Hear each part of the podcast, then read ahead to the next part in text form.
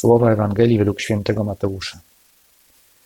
Gdy Jezus wszedł do Kafarnaum, zwrócił się do niego setnik i prosił go, mówiąc: Panie, sługa mój leży w domu sparaliżowany i bardzo cierpi.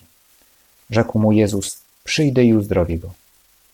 Lecz setnik odpowiedział: Panie, nie jestem godzien, abyś wszedł pod dach mój, ale powiedz tylko słowo, a mój sługa odzyska zdrowie.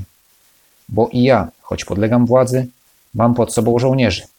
Mówię temu idź, a idzie, drugiemu przyjdź, a przychodzi, a słudze zrób to, a robi. Setnik przyzwyczajony do wydawania rozkazów, do tego, że inni wypełniają jego wolę. Mówi to nawet Panu Jezusowi. W jakiś sposób chwali się swoją władzą. Mówię temu idź, a idzie, a drugiemu przyjdź, a przychodzi. I oto znalazł się w sytuacji, gdy jego rozkazy nie mogą być wykonane.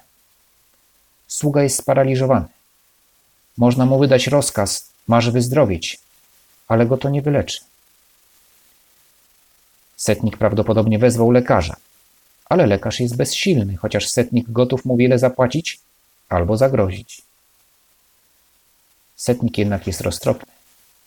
Prawdopodobnie doświadczył takich sytuacji na wojnach. Poczucie bezsilności.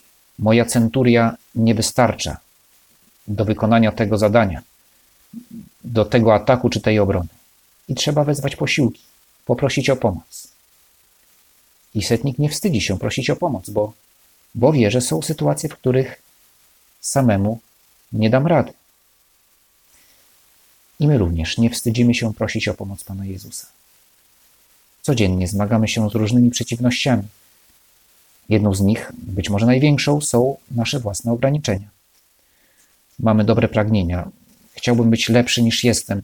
Może w takich okresach jak Adwent, gdy Kościół przypomina o nawróceniu, widzę wyraźniej, ile mi brakuje. I równocześnie często boleśnie doświadczam, że moje starania przynoszą mało efektów. Chciałbym być bardziej życzliwy dla innych, a tu klops. Znowu przez pół dnia byłem nastroszony jak jeż. Chciałbym lepiej pracować. I znowu pół godziny na przeglądaniu bezwartościowych wiadomości lub fake newsów, gdy pilne zadania czekają. Postanawiam sobie, teraz już zacznę. I nic. Nie słuchają moich rozkazów. Ja sam nie słucham moich rozkazów. I może właśnie to jest dobry moment, aby udać się do Pana Jezusa. Nie walczyć samemu. Owszem, trzeba się starać. Setnik robił co mógł. Był też przyzwyczajony do tego, że trzeba wziąć odpowiedzialność za, za swoje działania, za swoich ludzi. Pewnie próbował leczyć swojego sługę. A potem, a właśnie potem szuka innych rozwiązań i idzie do Pana Jezusa. To też jest jego działanie, jego inicjatywa. W naszej walce wewnętrznej powinniśmy starać się łączyć oba te kierunki własne staranie i równocześnie prośba o pomoc.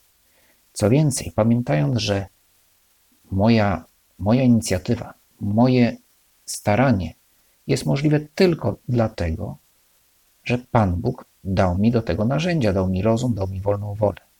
Więc to nie jest tak, że ja działam sam z siebie. Owszem, wykorzystuję to, co dał mi Pan Bóg. I równocześnie odpowiedzialnie starając się działać, wziąć odpowiedzialność za swoje życie, równocześnie cały czas proszę Ciebie, Panie Jezu, o pomoc, bo bez Ciebie moje starania są bezowocne, nawet jeśli chwilowo przynoszą jakiś efekt. Mogę naśladować setnika z Kafarnaum. I robię to za każdym razem, gdy udaje się do spowiedzi. Panie Jezu, potrzebuję Twojej pomocy. Bez Ciebie sobie nie radzę. Robię to, kiedy idę na mszę, aby przyjąć Twoje ciało. I powiedzieć, bo tak przewiduje liturgia, parafrazując setnika, Panie, nie jestem godzien, abyś przyszedł do mnie, ale powiedz tylko słowo, a będzie uzdrowiona dusza moja. Całkowicie ufając Twojej opiece nade mną. Tak jak Maryja, która całkowicie zaufała opiece Bożej, gdy przyjęła wezwanie Archanioła.